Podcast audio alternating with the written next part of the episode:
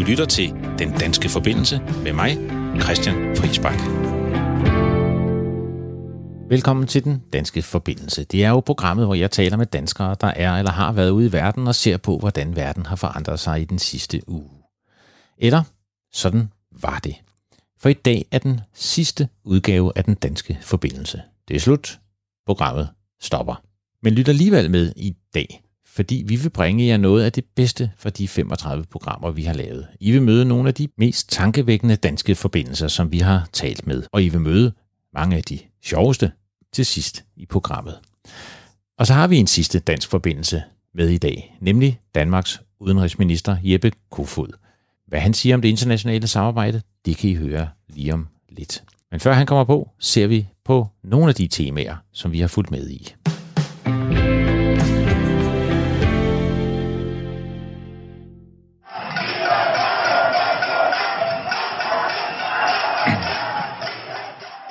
Et af de temaer, vi virkelig har dækket her i den danske forbindelse, har været den store bølge af demonstrationer, som verden oplevede sidste år, kulminerende hen mod efteråret, hvor der var demonstrationer i op mod 40 lande fra Chile og Colombia til Irak og Libanon, Hongkong, Finland, Frankrig, Rumænien. Vi dækkede en stribe af de her demonstrationer. Vi prøvede at se på, om der var en fælles nævner. Hvad var det, der gjorde, at folk lige pludselig gik på gaden? Den demonstration, I hørte lige før, var fra Colombia. En af dem, der måske opsummerede meget godt, hvorfor folk er utilfredse, det var Mia Brøndum Andersen, læser på Roskilde Universitet, men har været i Colombia i forbindelse med sine studier og været med i demonstrationerne. Og hun forklarede, hvorfor folk demonstrerer på den her måde. Så, så i bund og grund, der går folk på gaden, fordi de ønsker øh, i Colombia, der er mere retfærdigt. De ønsker mere lighed, og de ønsker mere fred. De er i bund og grund trætte af den vold, øh, og de er trætte af korruption øh, og det uretfærdige system, der er herovre ulighed, korruption og utilfredshed med regeringen og magthaverne. Det summerer det meget godt.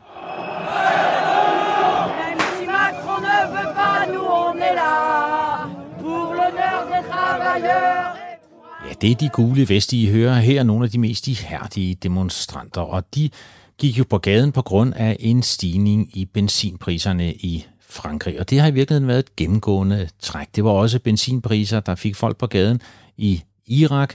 I Chile var det prisen på metrobilletter, og i Libanon, som I hører her i baggrunden nu, har det været øh, stigning i afgiften på WhatsApp. Så det kan være de små ting, der udløser de her store demonstrationer, men det bunder i en grundlæggende utilfredshed.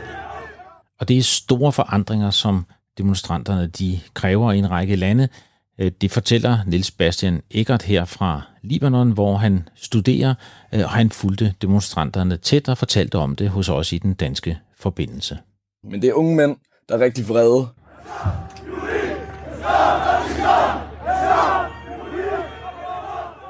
Og mit arabisk er ret begrænset, så jeg ved ikke helt, hvad det er, de, øh, hvad de råber eller synger. Mm. Men jeg kan genkende et ord, og det er thavra, som jeg har lært ham. Øh, og det betyder revolution, og det hører man over alt. Det hører man, når man tager taxa, det hører man, når jeg er på mit universitet, og det råber de igen og igen. Det er simpelthen en, at de vil have en revolution. De vil have en revolution. Det har de ikke fået. Men coronakrisen førte til nedlukninger i rigtig mange lande, og demonstrationerne de stillede af. Men hvis man kan sige én ting om coronakrisen og den efterfølgende økonomiske krise, så er det, at det vil betyde øget ulighed. Det gælder jo både i forhold til de børn, som under nedlukningen har siddet derhjemme, og børnene fra et fattige familier har jo ikke lige kunne deltage i online undervisning. De er kommet endnu længere bagud. Men det gælder også mange af de erhverv på bunden af samfundet, som ikke har kunne finde arbejde, lige fra hotelbranchen og til dem, der står på gaden og sælger deres frugter og grøntsager. Så vi får mere ulighed som følge af coronakrisen, og derfor så spurgte jeg også Charlotte Flint Petersen, der har været med os i den danske forbindelse, om vi kommer til at se øgede demonstrationer efter at coronakrisen forhåbentlig snart er overstået. Jeg tror, øh, at øh, på sigt vil det blive styrket. Altså om et års tid eller to vil vi se det styrket op, og fordi pandemien også har vist de sociale skævheder, der er i de forskellige samfund, altså uligheden. Det er, det er ikke sådan, at øh, man siger, at pandemi, altså virusen rammer alle, men den rammer alligevel også samtidig skævt. Øh, hvis du er fattig, øh, for eksempel som i Indien, jamen så kan du ikke beskytte dig mod virusen på samme måde, som hvis du var øh, rig, eller i USA. Hvis du øh, er fattig, jamen så bliver du nødt til at gå på arbejde, du er ikke beskyttet på samme måde. Der er øget ulighed og arbejdsløshed, øh, så hele den der økonomiske øh, konsekvens af pandemien vil vise sig på de fattige på, eller på folk, som har, har svært. Så jeg tror, at det vil betyde, at, øh, at der er nogen, der vil ligesom tage sit, vi bliver nødt at kræve, kræve mere social retfærdighed. Tiden vil vise, om Charlotte Flint Petersen får ret, om vi vil opleve styrkede, stærkere demonstrationer efter coronakrisen, ikke mindst på grund af den økonomiske krise og den øgede ulighed, som vi kommer til at opleve. Det bliver spændende at følge. Vi kommer ikke til at følge det sammen med jer her i den danske forbindelse, men vi følger med, og vi må se, om det er revolutionen, der er på vej, eller om vi formår at håndtere de uligheder og uretfærdigheder, som verden oplever og verdens befolkning oplever.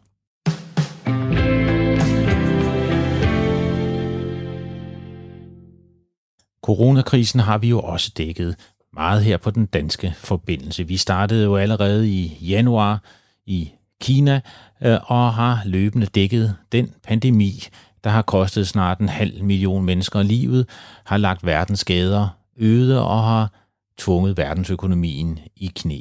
Men det startede i Kina, og allerede i januar måned, ja, tænk jeg engang, hvor meget der er sket siden da, der ringede vi til Amalie Klitgaard, der boede i Beijing og studerede i Kina, øh, og spurgte, om hun var bange for den virus, der nu var ved at brede sig.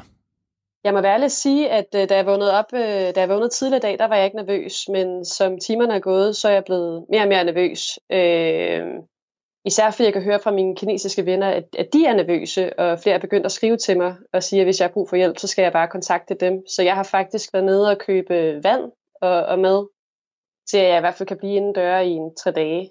Ja. Øh, I tilfælde af, at det nu bliver værre. Ja, det var også dengang, hvor vi talte med Peter Mbarek fra WHO i den helt tidlige stadie. Hør, hvad han sagde dengang. Øh, man skal altid være bekymret, når man øh, har med en øh, sådan ny, ukendt øh, virus at gøre med. Øh, fordi vi, vi ved ikke ret meget om den. Vi ved ikke, øh, hvordan den, den den kan mutere. Det, de der coronavirus øh, muterer ret, ret nemt og ret hurtigt, øh, og måske kan den blive øh, endnu slemmere, end den er nu. Øh, vi ved heller ikke, hvordan den kommer til at sprede sig i resten af verden, øh, og øh, vi har indtil videre hverken vacciner eller øh, medicin til den, så vi har kun en god gammeldags måde at bekæmpe den på med at sørge for, at man man skal vaske hænder og holde en god hygiejne og undgå at, at, at smitte hinanden. Det undgik vi desværre ikke, det her med at lade være med at smitte hinanden. Tværtimod, smitten den bredte sig og bredte sig og har ramt stort set alle verdens lande, alle verdens regioner, en global pandemi og en meget stor global økonomisk krise. Og den har ramt rigtig hårdt i en række fattige lande og har faktisk givet protester. Folk har protesteret, mod den krise, som nu rammer dem dobbelt, en sundhedskrise og en økonomisk krise.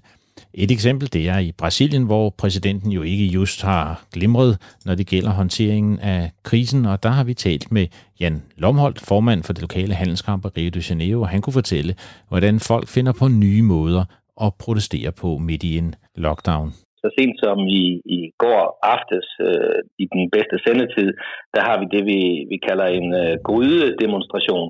Så der går alle i vinduerne og ud på, på balkongerne, og så øh, giver de til kende øh, deres øh, enten tillid eller mistillid til, øh, til politikerne. Øh, det har vi set øh, igennem de sidste øh, mange år, en tradition øh, man har, og, og det gennemførte man i går, så man er øh, siden øh, den demonstration øh, øh, er man gået indenfor, og, og strandene er, er blevet lukket, så der er ingen, øh, der er på stranden mere, øh, hverken Copacabana eller nogle af de andre strande. Aha.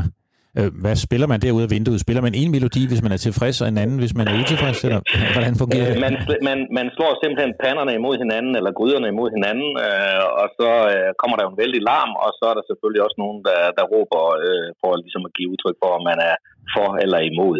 Men der har heldigvis også været rigtig mange lande og rigtig mange regeringer, der har gjort alt, hvad de kunne for at dæmme op for de negative effekter for verdens øh, befolkning og ikke mindst for verdens fattige befolkning. Sociale sikkerhedsnet, som bliver etableret i flere og flere fattige lande, har været et andet tema, vi har set lidt på her i den danske forbindelse, og der er de gode erfaringer, ikke mindst i et land som Uganda, som jo ikke måske er et typisk land, hvor man tænker sociale sikkerhedsnet, men de har fået etableret en folkepension, og der talte vi med Tim Andersen, der har boet mere end 25 år i Uganda. Han arbejder på den danske ambassade. Vi spurgte ham, om sociale sikkerhedsnet og folkepension virker i Uganda. Det virker. Det virker. Det er ikke mange penge, de får, de her øh, ældre mennesker der, men de får pengene, og, og, og, og lidt er jo også bedre end ingenting, altså helt sikkert. Ja. Det var meningen, at det skulle starte ved 65 år, men det, det havde man ikke ressourcer nok til. Så man, man skar det ned og sagde, okay, lad os starte med 80 år, og så lad os se, hvordan vi kan få det til at, udvikle sig. Og det synes jeg altså, at det, det er en god start. Det var en god start, og den slags sociale sikkerhedsnet, tror jeg, vi får rigtig meget mere brug for i verden, og ikke mindst i verdens fattige lande i fremtiden, når de store kriser, de rammer, om det så er en pandemi, en coronakrise, eller en klimakrise, eller en økonomisk øh, krise. Så forhåbentlig kan vi derfor opbygge en mere robust verden, og også håndteret nogle af den sociale utilfredshed, som vi har set i de mange demonstrationer, vi har dækket også her i programmet. Men hvordan påvirker de her kriser det internationale samarbejde? Og der har været mange kriser, siden Danmark fik en ny udenrigsminister i Jeppe Kofod. Og ham har vi været heldige at få med i programmet, og derfor er jeg nu rigtig glad for det, at jeg kan sige velkommen til dig, Jeppe Kofod. Tak skal du have. Din tid som udenrigsminister har jo været præget af meget store forandringer og en verden i krise. Den største bølge af demonstrationer siden murens fald, fortsatte krige, Syrien, Libyen, klimakrisen, coronakrisen, økonomisk krise og et internationalt samarbejde under meget stærkt pres. Og samtidig ser vi nu stigende spændinger mellem verdens stormagter, så det er jo nogle temaer, vi har dækket her i den danske forbindelse, men det er en verden præget af store forandringer. Er du bekymret for udviklingen i verden? Det må man sige. Man kan sige, at verden har altid været et usikkert sted. Øhm, jeg kan huske, da jeg selv voksede op, der var jerntæppet der stadigvæk, da jeg var barn. Ikke? Øh, vi så røgskyen fra, fra Pentagon den 11. september, øh, da flyene bragede ind i, i de øh, tårne i New York. Øhm, Øhm, vi øh, har jo set også murens fald og, og hele det, der spiller sig ud. Der er ingen tvivl om, at i dag står vi i en ny epoke også, øh, hvor at, øh, øh, hvor at mange af de konflikter og, og også den øh, sige, usikkerhed, der er i verden, den er gigantisk. Øh, nu nævnte du en række ting. Jeg vil også tilføje, at, at vi har faktisk også sat rekord i år med over 80 millioner flygtninge i verden. Øh, det højeste antal siden af en verdenskrig. Øh, klimaforandringerne accelererer mange af de øh, konflikter, som vi allerede kigger ind i. Vi har covid-19-krisen, som, som jo har kun også forstærket konflikterne. Vi ser stormagtsrivalisering mellem Kina, USA, Rusland for fuld flor. Så, så, der er, så der er mange ting, som vi skal forholde os til. Så ja, altså, jeg er bekymret for udviklingen, men det er nogle gange i, i sådan nogle her øh, krisesituationer, at, at man også tænker dybt over, hvad er det, der er vigtigt, og noget af det, som er vigtigt, er, at vi, øh, at vi styrker øh, samarbejdet for at håndtere øh, kriserne. Øh, og det tror jeg, at der også er en opbakning til øh, i mange befolkninger. Og i den forbindelse så er det den danske regerings klare holdning, også min holdning, at, at vi skal styrke ikke mindst det europæiske øh, stemme i verden. Altså vi er nødt til øh, at se et aktivt Europa, øh, fordi de værdier, som vi står på her, øh, både øh, multilateralismen, øh, det at få velfungerende internationale institutioner, øh, men også retsstater og demokrati og, og, øh, og vores politiske frihedsrettigheder, de, de værdier øh, er så vigtige, at, øh, at nogen står op for, og der er faktisk kun i realiteten kun øh, Europa, som for alvor kan, kan tage hele paletten og, og, og gå ud med dem i verden og sikre og håndtere nogle af de konflikter, vi står i. Og, og der har Danmark jo altid stået for det multilaterale. Øh, og store kriser som dem, vi går igennem nu, kan jo så enten splitte verden eller samle verden. Men der er noget, der tyder på, at det indtil videre har splittet os. Vi har haft den tidligere undergeneralsekretær i FN, Michael Møller, med her i programmet, og han sagde øh, det her om det internationale samarbejde. Og det er fragmenteret. Øh, det kan ikke finde ud af at komme sammen omkring øh, en øh, fælles aktionsplan. Og vi ser det på G20, vi ser det på G7, vi ser det på Sikkerhedsrådet. Og det er katastrofalt, at vi ikke kan få vores medlemslande og vores ledere til at sætte sig ned og blive enige om, hvordan vi skal køre videre med det her. Okay. Så øh, vores øh, øh, multilateralisme har det ikke godt. Øh, den øh, skal omtænkes, den skal styrkes, og vi skal virkelig have noget lederskab, der kan sætte sig ned og få det her på plads. Hvordan oplever du det internationale samarbejde lige nu? Ja, altså det, det er udfordret, øh, uden, uden tvivl. Vi ser, øh, vi ser et, et Kina, som, øh, som er blevet meget mere, øh, øh, mere bevidst øh, og fylder meget mere i verden økonomisk øh, og også ude i verden, også i de multilaterale fora. Øh, vi ser USA, som trækker sig øh, med de udfordringer, det skaber sig. Den, den sådan klassiske og traditionelle transatlantiske alliance omkring velfungerende, stærke multilaterale organisationer øh, med, med klare regler, som skal respekteres af alle, de, de øh, er også udfordret. Vi ser, øh, vi ser FN, som, som også på mange måder er udfordret, øh, øh, selvom at, at FN er vigtigere end nogensinde, og generalsekretæren har jo for eksempel fremlagt en fælles vision for, hvordan vi kommer igennem hele øh, covid-19-krisen og, og, og, og det, vi står i. Vi kan se, at, øh, altså, at verdenshandelsorganisationen øh, også er udfordret, fordi Kina ikke overholder, eller den model, som Kina er gået ind i organisationen med, den er, den er stærkt udfordrende for, for en regelbaseret handel, og, og USA har, har også igen trukket, øh, trukket, trukket sig lidt ud af det, øh, og Europa prøver at reformere og styrke. Så vi, vi står øh, på mange måder, synes jeg, i et nyt paradigme. Vi står i en ny, ny situation, og der, øh, der er det rigtigt, at, øh, at det, som vi skal gøre fra dansk side, det er jo at styrke, på den ene side styrke de, de multilaterale øh, organisationer, men på den anden side også erkende, at for at de kan blive styrket, så er vi også nødt til at reformere. Den gamle verden, kan man sige, øh, kan vi ikke bare gå tilbage til. Vi er nødt til at, at kigge ind i, hvordan, hvordan får man eksempelvis øh, WTO til at fungere med i Kina, øh, og med alle de udfordringer, det skaber, til at overholde regler osv. Øh, hvordan får vi øh, et FN til at øh, stå stærkere, øh, også med øh, nye spillere, som altså nu er det den klassiske sammensætning af Sikkerhedsrådet, hvor der er fem permanente medlemmer. Øh, hvordan får man et FN-arbejde til at, til at også reflektere den verden, vi ser i dag med repræsentativitet, og, men også legitimitet og, og normer. Øh, så så, så det, det er vigtigt.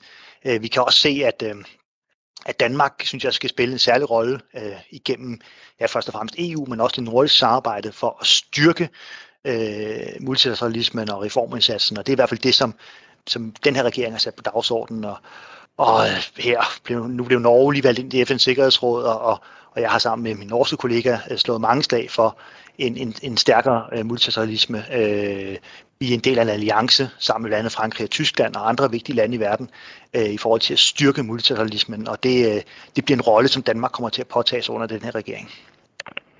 Men man kan sige, Præsident Trump i USA, han har jo angrebet en række af de her multilaterale organisationer, fordi han ikke mener, de tjener amerikanske interesser. Og jeg havde tidligere øh, på året her øh, udenrigsredaktøren på Weekendavisen, Anna Libak, med i programmet, og hun sagde øh, lidt det samme, at de her internationale organisationer faktisk kan svække os, og det, det klip, synes jeg måske lige, du skal høre her, det er kort. Jeg kunne jo godt spørge dig omvendt øh, lige så polemisk. Hvor stiller det verden, hvis de internationale organisationer, der blev opfundet af Vesten, øh, de i realiteten svækker Vesten, så vi bliver sværere og sværere og kommer til at stå sværere over for magter, der har andre værdier end os og ønsker at undergrave de demokratiske værdier. Det er klart, at det bliver vi nødt til at forholde os til. Er du enig i det, at det internationale samarbejde faktisk kan svække os, og vi måske bare burde rotte os sammen med amerikanerne? Vi skal stå sammen med amerikanerne i det omfang, det overhovedet er muligt omkring fælles dagsordner. Det er jeg fuldstændig enig øh, med Anna Libak i. Men, men jeg vil også bare sige, øh, at der er jo sådan nogle, nogle objektive forhold ude i verden. Øh, der er nogle lande, som fylder meget mere, og som, øh, som er blevet stærkere. Kina er et eksempel. Øh, Indien er også på vej frem, øh, jo verdens største demokrati. Øh, vi ser også altså Sydamerika og Afrika på mange måder. Altså det, den, den forestilling om, at øh, altså den, den gamle verden, hvor Vesten var, var ret øh, øh, totalt dominerende, øh, den findes jo ikke på samme måde mere. Og spørgsmålet er så, hvordan vi får varetaget vores værdier og vores øh, øh principper i den nye verden, at vi kigger ind i. Og der, der er jeg nok uenig med Anna Libak. Der tror jeg, at vi står endnu sværere, hvis vi står splittet. Altså, hvis vi ikke engagerer os i de, i de multilaterale organisationer, hvis vi begynder at trække os ud eller, eller undergrave øh, organisationerne, jamen så, så bliver det nemmere for nye spillere, som ikke nødvendigvis deler demokratiske værdier og, og historie, øh, kultur og historie, med os på den måde, som den vestlige verden, øh, at, at de bliver nemmere for dem at og, og øh, udøve magt øh, og svække, kan man sige, øh, de værdier, vi har skabt i Vesten. Så, så for mig at se, så er, er fremtiden, at, at vi både har en stærk transatlantisk alliance, øh, men også at vi engagerer os i, i de, i de multilaterale organisationer. Jeg tror så bare, at det, der, der er vigtigt for, for mange lande at forstå, det er, at vi kan ikke bare sige, at vi skal give opbakning til FN. Vi er også nødt til at forestå, hvordan man reformerer FN, så det kommer til at fungere bedre, eller Verdenshandelsorganisationen, eller andre fora. Øh, eller hvis man tager hele et område, som, som jeg også er meget bekymret for, det hele, øh, altså nedrustningspolitikken, ikke-spredningspolitikken, våbenkontrol, hvor vi ser den ene traktat efter den anden øh, falde til jorden, øh, grundet russisk manglende efterlevelse, USA's reaktion derpå, som, som så bliver trækket sig ud, øh, og pludselig står man uden øh, traktater i forhold til for eksempel øh, regulering af mellemdistanceraketter eller, eller open skies nu øh, i forhold til øh, sikre øh, tillidsbaserede flyvninger, så man kan se, hvad der foregår i en andens, øh, på en anden territorie i forhold til, til oprustning og så videre. Altså alle de ting her, øh, der er, hvis, altså hvis alternativet er, at vi skal trække os ud af traktater og organisationer, så får vi altså en verden, som som bliver farligere, og som bliver de store magters, øh, øh, som kommer til at, at spille den centrale rolle i den verden. Øh, og der står vi så alt andet lige mere svækket øh, som, som Vesten, øh, i min analyse i hvert fald. Og der, derfor er jeg ikke enig med Anna Libak. Jeg tror simpelthen, vi skal engagere os og tage kampene og diskussionerne i, øh, i de multilaterale fora, øh, være mere bevidst om, at der er nye spillere, som ikke altid deler samme værdier som os, og dem skal vi selvfølgelig have nogle, øh, nogle gode strategier overfor. Ja, jeg er jo ikke overraskende øh, enig øh, med dig der, men, øh, men det lader vi jo ligge. Øh, men men er, det så, er det så realistisk, fordi øh, vi er jo et lille land, øh, og, og små lande har jo sværere og sværere ved at komme til ord i en verden, hvor de globale stormagter spiller en stadig stærkere rolle. Charlotte Flint Petersen, øh, direktøren for Dansk Udenrigspolitisk Selskab, har vi også haft med her i den danske forbindelse. Og hun tror meget på det her med, at en alliance af små lande kan skabe fremskridt og forandring. Øh, prøv lige at lytte med her. Vi skal se efter nogle andre lederskaber, end dem vi hidtil har set efter. Det er jo tydeligt, at det ikke er USA, der kommer til at tage det lederskab. Det er også tydeligt, at, øh, at Kina måske heller ikke kan, fordi at pandemien opstod i Kina. Øh, jeg tror, vi kommer til at se lederskabet fra nogle små og mindre stater, som siger, det her, det kan ikke fortsætte, vi må have en ny modus vivendi. Tror du på det, at, at vi kan lave en global alliance af små lande, der kan skabe forandringer og reformer i det internationale samarbejde?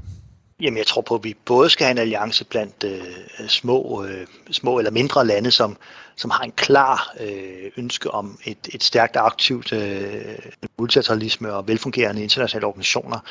Øh, det tror jeg helt klart. Jeg tror også, at mange lande kan, altså kan øh, have mere magt end, end ens befolkning og størrelse og økonomi øh, egentlig tilsiger, fordi man har en også værdimæssig påvirkningskraft, som man heller ikke skal undervurdere. En normativ påvirkningskraft. Øh, øh, det tror jeg betyder rigtig meget også. Altså de nordiske lande er et godt eksempel. Jeg synes vi, altså selvom vi er i store globale sammenhæng, små lande, så har vi stadigvæk en, en enorm øh, tiltrækningskraft, og der er mange, der ser op til den samfundsmodel og de normer og værdier, vi bygger vores samfund på, øh, og det kan vi bruge, det kan vi omsætte til indflydelse, ikke mindst i internationale fora, som langt overstiger vores, vores øh, befolkningsstørrelse. Øh, og det, og det, det, det, skal vi, det skal vi tænke over. Så små lande kan spille en, en, en, en vigtig rolle der, men jeg tror også, vi ved siden af er nødt til at have de store alliancer klar, og der er det europæiske samarbejde, at man kan sige, at vi er stadigvæk, EU er stadigvæk verdens største indre marked, og kan bare kvæg det forhold, øh, faktisk være med til at, at være regelsættende i verden. Øh, jeg har set det inde på nye områder, som handler om for eksempel det at, at regulere øh, øh, internettet eller, eller data, altså privacy. Øh, det, der, der har man set det, men man, man kan se det i stigende grad, at Europa kan være en slags øh, transformativ magt, der kan sætte nogle globale normer og regler, øh, og på den måde øh, sprede sig ud. Og jeg tror, hvis vi i øh, EU også, sammen med ikke mindst vores afrikanske venner, som jo er vores nabokontinent øh, mod syd, kan lave en stærk alliance så, og kigger nogle år og t- nogle årtier frem, så bliver Afrika jo en af de helt store, øh, også befolkningsmæssige øh, stemmer i verden. Og der, så der kan vi også godt se en, en, en, en, synes jeg, en alliance, hvor rigtig mange små afrikanske lande, så at sige, men også en afrikansk union sammen med Europa kan, kan dele nogle fælles øh, værdier og interesser øh, for en stærk multilateralisme. Så, så jeg tror, vi skal, vi skal både gøre det med små lande, øh, Øh, ikke kun i vores del af verden, øh, jeg tænker også på andre dele af verden, øh, New Zealand, Australien, asiatiske lande, og, men også, øh, også i Afrika osv., hvis vi kan, hvis vi gør det, og samtidig også øh, få vores øh, altså øh, EU og Afrikanske Union og andre af de her regionale institutioner og organisationer til at, til at stå stærkere, så er det i, i den grad vores interesse. Øh, så, så ja, jeg tror, at små magterne kan, kan træde til, Øhm, men det, det, det, skal, det bliver bare ikke, ikke nemt, men, men som sagt, jeg, jeg ser jo også som udenrigsminister øh, succeser. Vi har lige fået indvalgt, øh, og det er jo været klart dansk prioritet, øh, både i Norge i FN's Sikkerhedsråd, men også Irland, det er jo to mindre lande, som vi på mange måder deler mange værdier med.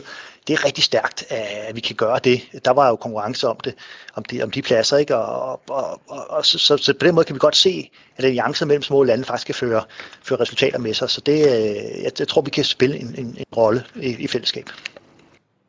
Hvis vi skaber nye alliancer, det var en god pointe, synes jeg. Men vi kan jo også komme i klemme, og, og du talte om Kina øh, tidligere, og, og der er jo virkelig meget stærke spændinger nu mellem Kina og USA selvfølgelig, men også øh, Kina i Asien.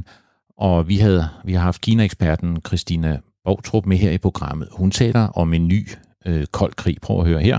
Så man taler jo faktisk om en ny kold krig, og det er der rigtig mange, der frygter, og man kan sige, at Kina har for længst øh, forberedt sig på en ny kold krig. Og det handler jo om, at Donald Trump øh, er begyndt faktisk at tro med helt at øh, afkoble de to økonomier. Og det virker helt øh, skørt i øh, år 2020 i en globaliseret tid, at man skulle kunne skille verdens to største økonomier ad og simpelthen holde op med at handle sammen og holde op med at have dialog. Øh, så galt står det til, og man kan sige, øh, niveauet, øh, sådan, øh, kulde, kuldegraderne er, er lige så slemme, som de var under den kolde krig øh, som jo varede indtil, at præsident Nixon rejste til Kina og, og ligesom fik genoprettet de, øh, eller øh, oprettet de diplomatiske forbindelser i 1972. Øh, så, det, så det ser rigtig, rigtig skidt ud, og, øh, og USA har ændret sin, hvad kan man sige, tilgang til Kina fra at, at, at ligesom gå op i, at man skal samarbejde, og man skal have dialog, selvom der også er nogle konkurrencemomenter osv., til at kalde Kina en, en altså en systemisk rival. Så ja. det er meget alvorligt. Hvordan skal vi forholde os til Kina? Skal vi være skal vi tage aktivt part i den her kolde krig, eller skal vi male? Jamen, øh, for det første vil jeg sige, at vi deler jo øh, sikkerhedsinteresser med USA. USA er vores afgørende sikkerhedspolitiske allierede. Og når det gælder øh, nye spillere som Kina, så er det, er det vigtigt, at vi tænker over, hvordan får vi også indrulleret Kina i øh, både i internationale organisationer og regler og normer, øh, men for eksempel, jeg nævnte før, våbenkontrol og ikke-spredning osv., nedrustningsaftaler, øh, jamen der er det jo en kendt sag, at her har det jo primært været, det har været Rusland, eller gammeldags Sovjetunionen, og så USA, som har lavet de aftaler her. Der står Kina sådan lidt udenfor. Der har vi en fælles interesse at prøve at få Kina med, også til at forpligte sig til, øh, til øh, en, en fredelig verden. Øh, så der skal vi selvfølgelig spille en rolle. Øhm, men, men jeg må sige, at øhm, øh, vi må også forstå, at at, øh, at det kinesiske system og, og den, den, øh, det demokrati og kultur, vi har i Europa, er jo to forskellige systemer. Og det træder også tydeligere frem, så på den måde er Kina jo også blevet en, en systemisk rival for os. Øh, og, og der er der ingen tvivl om, at, at, hvor vores, øh, altså, at der er, er vi jo sammen med USA og sammen med øh, andre øh, lande, som, som deler mange af de samme værdier og, og, øh, og normer som os der skal vi finde ud af, hvordan vi håndterer en, en spiller som Kina. Øh, men, men på andre områder er Kina vigtig. Altså, øh, hvis vi skal løse klimaudfordringer, og det skal vi, så er Kina øh, en altså, uomgåelig magt. Øh, ja, næsten en femdel af verdens befolkning, øh, og, og øh, står for langt det meste CO2-udledning. Øh, og her kan vi jo ved at engagere med Kina øh, faktisk nå nogle af de mål, øh, vi skal. Så, så vi, vi, øh, vi kommer til at have en, synes jeg, skal vi have en, en, en strategi, som, som, som bygger på, hvordan vi også får fremmet vores egne interesser. Og det er for eksempel at få øh, klimakampen øh, til at lykkes, men også holde fast i vores, der hvor der er øh, udfordringer med, med vores øh, værdier og interesser, øh, at vi ikke øh, giver efter for, for noget pres der. Du har været meget ind på EU, øh, også som den øh, regionale aktør, som virkelig skal løfte vores værdier globalt. Men øh, Margrethe Vestager har også været med hos os, øh, og hun var meget bekymret for EU, fordi retsstaten og retsstaterne i EU bliver svækket, og hun henviser blandt andet til retssagerne mod Polen og mod øh, Ungarn, og hvordan vi har svært ved at holde styr øh, på vores eget hus, når det gælder de europæiske værdier. Prøv at lytte med her.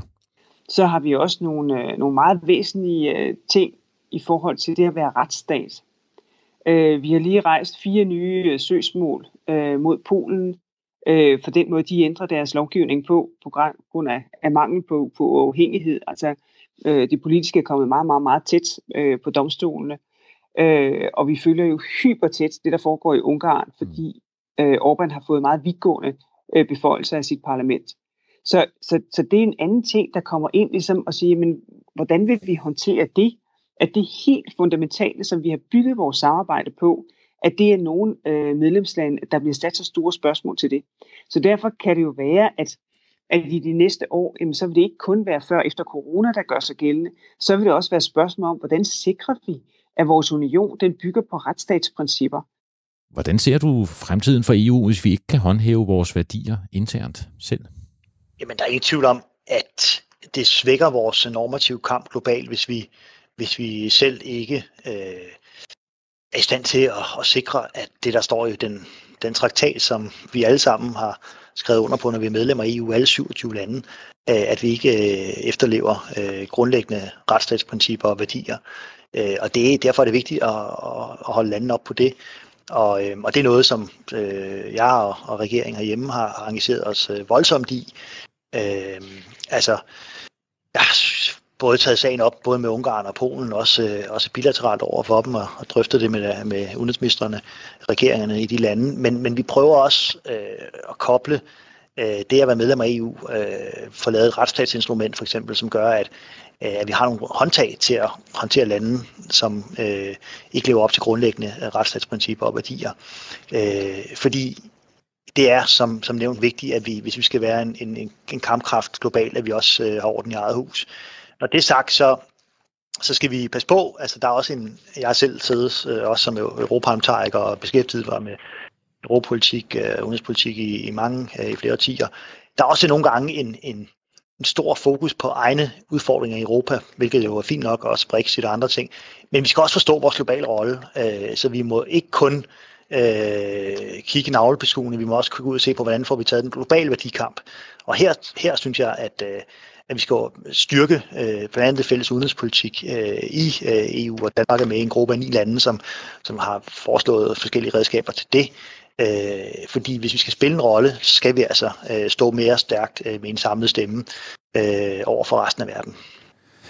Bare til sidst, nu har vi talt om, hvordan verdens regeringer ikke altid kan enes, men noget andet er jo verdens befolkninger. vi har oplevet i efteråret den største bølge af demonstrationer, øh, som man har set siden murens fald, ja endda måske øh, større end det, man så øh, dengang. Øh, stort set alle kontinenter har der været Øh, demonstrationer drevet af utilfredshed med magthavere, drevet af utilfredshed med verdens ulighed. Og en række af de aktører, vi har talt med, har været inde på, hvorfor de her demonstrationer kommer, men også været inde på, at de vil måske komme med endnu større styrke, når først coronakrisen eller covid-19-krisen den er overstået. Hvad tror du, og hvad skal vi gøre for at imødekomme de frustrationer, der vidderligt er hos store dele af verdens befolkning, øh, når det gælder verdensgang? Ja, det er jo så, øh, synes jeg, et rigtig vigtigt folkeligt pres nedefra for øh, at gøre noget ved, ved de udfordringer, der også er i globaliseringen. Øh, det er klimaødelæggelser, det er ulighedens, øh, det er stigning i ulighed. De grundlæggende strukturelle problemer, vi, vi kigger ind i verden, skal der jo gøres noget ved. Øh, og der, der tror jeg, at Europa skal, det er derfor, jeg siger, at Europa skal spille en, en progressiv stemme. Øh, for eksempel øh, mener jeg selv, øh, altså for eksempel at det, det, altså sådan noget som at få tech-giganterne til at betale en, en færre, færre skat, det lyder som et teknokratisk forslag, men det er faktisk vigtigt, fordi der er en oplevelse af, at, at, at tingene bevæger sig væk fra øh, demokratisk kontrol, øh, og det får øh, retlige mennesker til at reagere og gå på gaden. Så vi skal tage sådan, den demokratiske kontrol øh, man siger, tilbage øh, og, og, have et bedre samarbejde. Det må være vores rolle, og det er også det, som folk, øh, der går på gaden, forventer, øh, forventer af os, at vi som regering og politikere øh, giver magten tilbage øh, og, og på den måde viser, at det gør en forskel. Og der er det internationale samarbejde som sagt vigtigere end, end nogensinde efter min øh, opfattelse. Vi skal tage magten tilbage, styrke det internationale samarbejde. Tusind tak, fordi du var med her i den danske forbindelse. Det var slet, det var en fornøjelse, og god dag. God dag i lige måde. Jeppe øh, Kofod, Danmarks udenrigsminister.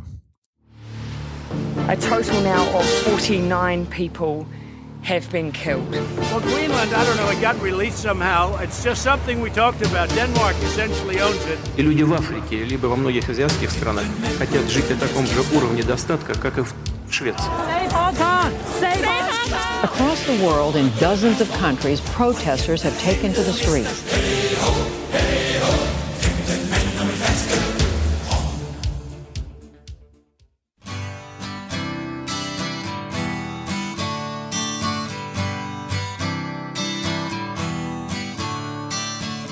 Don't you know?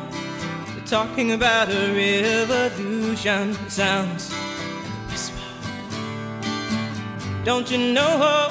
We're talking about a revolution. It sounds like a whisper.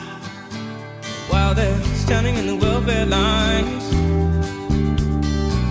crying at the doorsteps of those armies of salvation, wasting time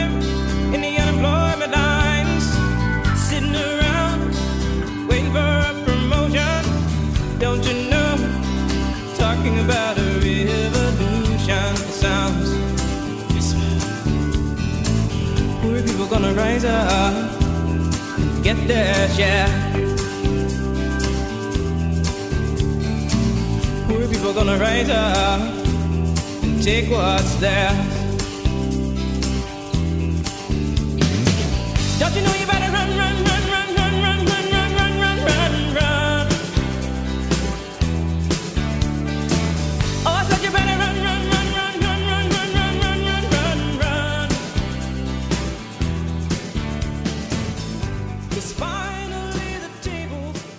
Et andet emne, som vi har behandlet indgående her den sidste måned, det er racisme. We want change! We want change! Enough is enough! Black lives matter! Black lives matter! Black lives matter! Det var en debat, der udsprang i USA, men den er lige så relevant i Europa. Det mener i hvert fald Morten Kærum, direktør for Raoul Wallenberg Instituttet, for jeg spurgte ham, hvordan det stod til med racismen i Europa. Racismen er, er voldsom i Europa.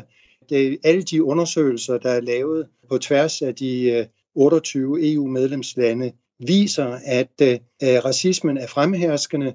Og noget af det, der har været, virkelig været overraskende for mig i øh, de undersøgelser, der er blevet lavet, det er at se, hvordan hudfarve er det gennemgående tema. Du kan grundlæggende se, at når du spørger en lang række forskellige etniske minoriteter, så jo mere øh, eller mørkere hudfarve, desto mere taler de om at, at være udsat for diskrimination. Men det har været en mere markant debat i USA, blandt andet fordi, at det jo sker, som Morten Kjærum også sagde det, på et bagtæppe af slavetiden. Og det samme var forskeren Sine Plambæk inde på, som lige nu forsker i USA øh, og mærker racismen i det daglige. Og spurgte hende, hvordan man oplevede det, der kaldes den systemiske racisme i USA. Den er helt grundlæggende og er jo altså 400, over 400 år gammel. Så det er jo et langt historisk opgør. Det er en debat, der er hver dag. Nogle dage kan jeg have en oplevelse her af, at alt handler om race. Det handler om ansættelser. Det handler om trafik, boliger, job, skoler. Mine børn går i skole herover. Der er racespørgsmålet hele tiden præsent. Den systemiske racisme og opgøret med den er en, en daglig, et dagligt arbejde, når man, når man bor her og, og er vidne til det. Men Signe Plambæk er jo et vidne, som hun også selv siger det. Hun er ikke selv udsat for racismen som hvid dansk kvinde i USA. Men Signe skrev bagefter til os og sagde, hvorfor taler I ikke med de sorte, der oplever racismen øh, i USA. Nu er det jo en dansk forbindelse, vi leder efter, og det var svært at finde en dansktalende sort person i USA, som vi kunne tale med. Men det hjalp Signe Plambæk med, og hun fik ideen, og vi talte med Leslie Ann Brown, der er forfatter og foredragsholder, det blev et af de stærkeste interviews, som vi har lavet her i den danske forbindelse. En, det blev et interview fyldt med mørke og latter, varme og vrede, og Leslie Ann Brown var meget skarp i at karakterisere, hvad det er, racismen er. Okay, så racisme har meget at gøre med uh, magt og mobning. det er bare racisme. Racisme er bare en måde, uh, at folk uh, mobber andre folk, uh, bruger til at mobbe andre folk. Ikke? Og den er systemic, systemic. Og problemet er, at vi har fortrængt eller ikke forstår vores egen historie. Mit problem mm. er hvide menneskers meget begrænsede forståelse af, af deres mm. egen historie. mm. Det er derfor helt afgørende, at vi virkelig studerer racismen, forstår den, forstår vores historie, øh, og det kan man ikke gøre på en times kursus eller en kort diskussion. Det kræver en livslang indsats. Det var det stærke budskab fra Leslie Ann Brown. Jeg, jeg vil forstå verden omkring mig. Mm. Det her er en liv, this is a lifelong process. Jeg, jeg, det, det her viden, ja. jeg har omkring det. Ikke? Så at folk forventer, at de vil forstå det med en tv-show, eller en bog, ja. eller en, det er, det er en symptom af vores uh, vestlige Arrogance. Ja, yeah. jeg, jeg har det også. I mean, vi er som, som vestlig kultur, som er meget, meget mm. vildt ikke? Fordi det, det, det, det, det, det, det, vi alle har uh, white supremacy. We're all under it. Mm. Så på den her måde, det, vi, vi, hvis det kommer til at gøre, i, i, hvis I vil uh, forstå det, så skal du, you have to commit. Og den opfordring gav vi videre i den danske forbindelse, da vi talte med Leslie Ann Brown, forfatter og aktivist og foredragsholder.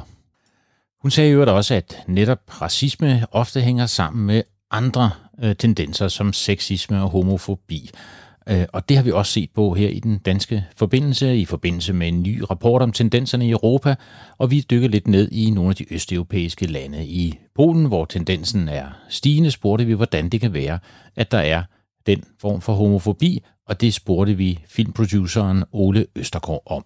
Så selvfølgelig er den største faktor, som, øh, øh, som, som udspiller sig nu, det handler om regeringen øh, Lov- og Retfærdighedspartiet og Kaczynski-ledelsen af det, og den måde, som de omtaler LGTB-miljøet øh, øh, på. Mm. Det er helt klart den store, men der er jo også en historisk øh, øh, ting i Polen, som er det mest katolske land i, i Europa, øh, hvor 95 procent af befolkningen er, er katolske, og der har man et meget mere strengt øh, familiebillede med meget mor og far og børn, som øh, idealet, end man har i den protestantiske. Så, så de to ting måske lagt sammen, det, det gør, at, øh, at situationen øh, i dag i 2020 er, er meget voldsom i Polen. Men helt ja. klart stærkest af de ting er det regeringens retorik øh, de sidste par år.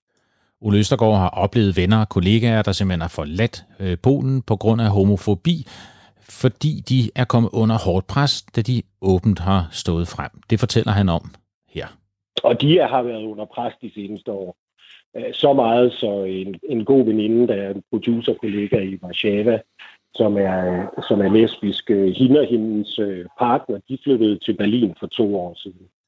Den samme tendens ses i Rusland. Der talte vi med Helena Dreves, som er rådgiver i kulturforståelse, om også de venner, hun har, der nu ønsker at forlade Rusland på grund af homofobi.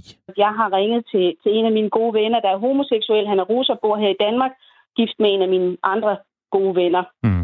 Og vi har selvfølgelig gennem årene, så har vi diskuteret det her, øh, og, øh, og, og hvor han i mange år har sagt, at os homoseksuelle, vi har vores parallelsamfund, vi skal nok, øh, vi skal nok øh, finde ud af at, at gebære os rundt i det, og, og vi holder os bare under radaren. Ja. Men, øh, men den her gang, øh, der sagde han, at, øh, at mange af hans venner, der, der bor i Rusland, nu arbejder de aktivt på øh, at komme ud af landet. Fordi det bliver sværere og sværere. Øh, der bliver mindre og mindre plads øh, til, til, til, til dem. Og det er, det er trist. Og Helena Dreves har selv set de homofobiske tendenser, når hun har været i Rusland. Jeg sad en dag nede i, i metroen, der sidder en ung mand over for mig. Han har to ørering i, og det er egentlig det eneste symbol, man ligesom kan se på, at, at, at han er at han ikke er, er heteroseksuel. Og så kommer der så en 3-4 øh, lømler ind, og de begynder at øh, bashe ham, slå til ham og, og hive og prøve at provokere ham. Han lukker mentalt ned. Mm. Øh, altså lader som om han sover og lukker sig, lukker sig fuldstændig ind i sig selv. Øh, men der er ikke nogen, der rejser sig op. Altså jeg var lige, jeg havde lige nær rejst mig op og, og gjort et eller andet, men jeg er ikke mere end 1,62 høj, og, ja, okay. og det havde ikke hjulpet nogen, og slet, slet ikke den unge mand. Øh, men, men jeg var nok den eneste i kupéen, der ligesom havde, øh, der, der, der sådan havde lyst til at, at gøre et eller andet, og jeg var nok også den eneste, der så på det, fordi alle andre, de kigger væk. Vi har ikke kigget væk i den danske forbindelse. Vi har prøvet at dække de her problemer med intolerance, homofobi racisme i Europa og i verden. A total now of 49 people have been killed. Well, Greenland, I don't know, it got released somehow. It's just something we talked about. Denmark essentially owns it. И люди в Африке, либо во многих азиатских странах хотят жить на таком же уровне достатка, как и в Швеции. Across the world, in dozens of countries, protesters have taken to the streets.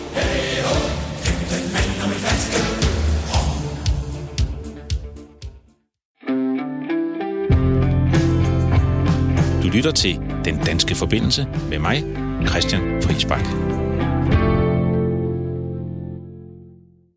Ja, det her er jo den sidste udgave af Den Danske Forbindelse. Et program, jeg har lavet først sammen med producer Tine Toft, og derefter langt de fleste programmer sammen med dig, Anna Stribold Rigas. Velkommen her til programmet, Anna. Tak skal du have, Christian. Og dejligt, vi lige når at få Stribold med, så bliver min mor glad. det var godt. Men det har været både sjovt og lærerigt, det her program. Hvad siger du? Jamen, det har det, bestemt. Det har været fem hæsblæsende måneder. Altså, hvor blev, hvor blev tiden lige øh, af, fra da vi startede i februar til nu? Men hold nu op, hvor har vi snakket med en masse enormt spændende mennesker. Det er det, vi har, og, og det har jo netop været konceptet. Det var at tale med danskere, der boede, arbejdede, studerede eller rejste ud i verden. Og vi, vi sagde i starten, sagde vi nogle gange, det var sådan helt almindelige danskere, men de har jo ikke været spor almindelige. Faktisk har vi haft nogle helt fantastiske danske forbindelser med søde, sjove og anderledes, og, og meget vidende om det land, som, øh, som de nu øh, var i. Men, men, men vi har virkelig mødt nogle fantastiske mennesker, synes jeg. Mit yndlingseksempel i lang tid, det har jo været øh, det er en af de første programmer helt tilbage i december. Der talte vi en dansker med en dansker i Skotland, Mette Søltoft Baie hed hun, øh, om den skotske løsrivelse, som de jo var ved at planlægge. Og, og det var hun god til at fortælle om, men så kunne hun også noget helt særligt. Prøv at lytte med her. Jeg vil starte øh, med at sige tillykke til dig, fordi jeg har hørt, at du har vundet det skotske mesterskab i brudekjoler. Er ja, tak skal du have. Tillykke med det. Nu er jeg ikke sådan helt med på øh, brudekjole-moden. Det er 28 siden, år siden jeg blev gift. Øh, hvad var der særligt øh, ved den kjole, du vandt med? Det var ikke en bestemt kjole. Det var simpelthen min, øh, øh, mit arbejde over det sidste år. Det er faktisk 6. gang, jeg har vundet prisen. Så Hold op. Det var, men det er jo dejligt nok at få øh, anerkendelse for det, man går og laver hver eneste dag. ja, for det er noget, skotterne går op i det her med bryllup, kan jeg forstå. Ja, det må man sige. Det ja. må man sige. Vi havde jo også landmand Jens Clausen med fra Ungarn, som øh, vi skulle have med, fordi at øh, Viktor Orbán jo ligesom var i gang med lidt at afvikle demokratiet i, i Ungarn. Og så kunne han også noget, øh, noget, som jeg tror, de fleste af os ikke kan. Han øh, kunne, øh, eller kan spille tuba i The Heavy Brass Guys Super Quartet. Øh, og det synes jeg da lige, vi skal høre lidt af her. Tusind tak til Jens Clausen. Vi hører lige lidt tuba. Det er mig, der takker.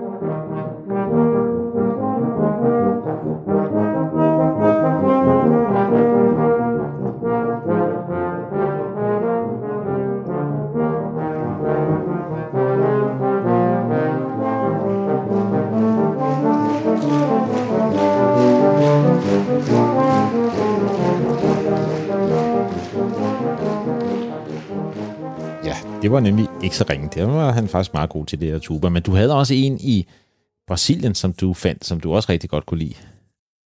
Ja, Line Østergaard. Ej, hun er så skøn. Og hun havde jo faktisk selv skrevet til os, at hvis vi øh, skulle dække noget i Brasilien, så ville hun rigtig gerne være med.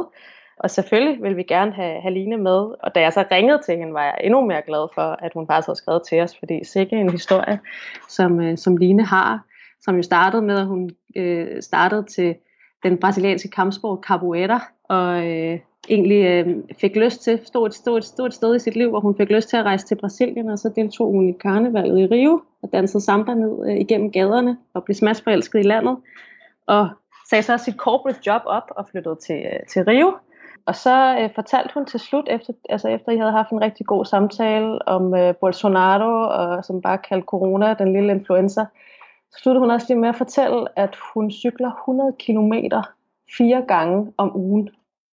Altså jeg har selv i dag cyklet 18 km, fordi jeg skulle have lavet nyt pas frem og tilbage fra Bryggen til Brøndshøj, og jeg er fuldstændig smadret. så øh, at hun cykler så mange kilometer, og er, hvad hun selv kaldte, altså øh, ville gerne, hvis hun kunne leve af det, være professionel, og hun, siger selv, eller hun sagde selv i vores program, at hun gav de unge mega baghjul. Men jeg er også en optimist. Det er godt, men det skal man nok være, øh, hvis man er øh, i Brasilien, og, og, og hvis man derudover øh, kører 100 km på sin cykel seks gange om ugen. Øh, så. I forbindelse med OL, så, øhm, så var jeg ude at se pigerne cykle rundt her i Rio, og det er super spændende. Og så fik jeg simpelthen en ny drøm øh, om at blive konkurrenceatlet. Så jeg er vel det, øh, nogen vil sige, en sen alder blevet øh, konkurrenceatlet. Jeg er gået hen og vundet tre regionale mesterskaber i staten Rio, og har en otte guldmedaljer, øh, min, hvis nok også lidt flere, og mindst 30 øh, trofæer øh, på hylden. Ja, vi har haft rigtig mange spændende danske forbindelser med samba-dansere, også i Brasilien, en frisør i Libanon, en ung studerende i Sydkorea, en pædagog, der arbejdede i Kina, og, og så har vi Finn fra Storbritannien. Han var altså også en af mine øh, favoritter, fordi Finn, han havde nemlig også et helt specielt arbejde. Men, men fortæl ja, mig lige, vi skal lige, nå, vi skal lige nå til sidst, fordi altså, du, du kører rundt med de der store bands, også Lady Gaga og Van Morrison og med deres udstyr, og det er noget med Van Morrison, har du kørt for? Er det særlig sjovt? Ja, det har jeg. Ja, ham har jeg kørt mig for her øh, sidste år. Ja, jeg har så, der kører jeg så rundt med alle hans instrumenter til for, forskellige uh, festivaler så rundt om i uh, Europa. Og vi var også i, uh, var det i Danmark, vi var sidste år nede på Eskov Slottet, der, der var jeg også derovre, så ja, det er nogle herlige gutter at arbejde sammen med. Ja. ja, det er, og meget interessant i hvert fald at køre med sådan noget. Ja, ja det er. Man får nogle dejlige oplevelser i hvert fald, ja, man gør, og så når man først lærer dem alle sammen at kende, altså deres produktionschef og deres tourmanager, og så, så ved du gør et uh, godt stykke arbejde for dem, ikke? Ja, ja. Så bliver du altså meget godt behandlet, ja, man gør i hvert fald. Så er det jo faktisk kun kikset én gang, hvor vi ikke kunne komme igennem til, til de gode danske forbindelser, vi ellers ringer til. Og det var faktisk en af dine gamle venner i Honduras. Ja, det var ikke så godt. Ikke, uh, nej. Claus, Claus Wolf. Ja, han var, han, var ikke så, han var ikke så god til Skype, det var han ikke. nej, men ellers er det jo, øh, er det jo faktisk lykkedes, selvom vi nogle gange har haft uh, lidt udfordringer. Phone is switched off. Please try later or send a text. Undskyld, vi har... This person's phone is switched off. Et Please try later. På at komme igennem til England.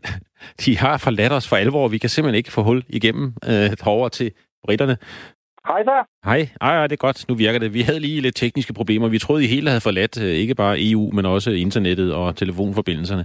Øh, men ja, det... det kan jeg forstå, fordi jeg, jeg har smarttelefonen to-tre gange, men uh, der var ikke nogen forbindelse. Så... nej, nej. Det er en meget dramatisk afsked, I er i gang med at tage det over. Det har været sjovt. Det har været lærerigt. Vi har virkelig lært meget om verden. Og vi har mødt helt fantastiske danske forbindelser. Så tak til alle de danske forbindelser, der har været med her i vores program. Og tak til dig, Anna, for godt samarbejde. Selv tak, Christian. Og tak for godt værtskab til dig. Det har været en fornøjelse at arbejde med dig. I lige måde. Og tak til vores redaktør, Lene Jul Brun. Og så ikke mindst tak til alle jer, der har lyttet med. Det har vi været glade for. Og så vil vi slutte med en melodi, en sang, der lidt har været vores kendingsmelodi i en lang periode, fordi den har været brugt til mange af demonstrationerne rundt omkring i verden.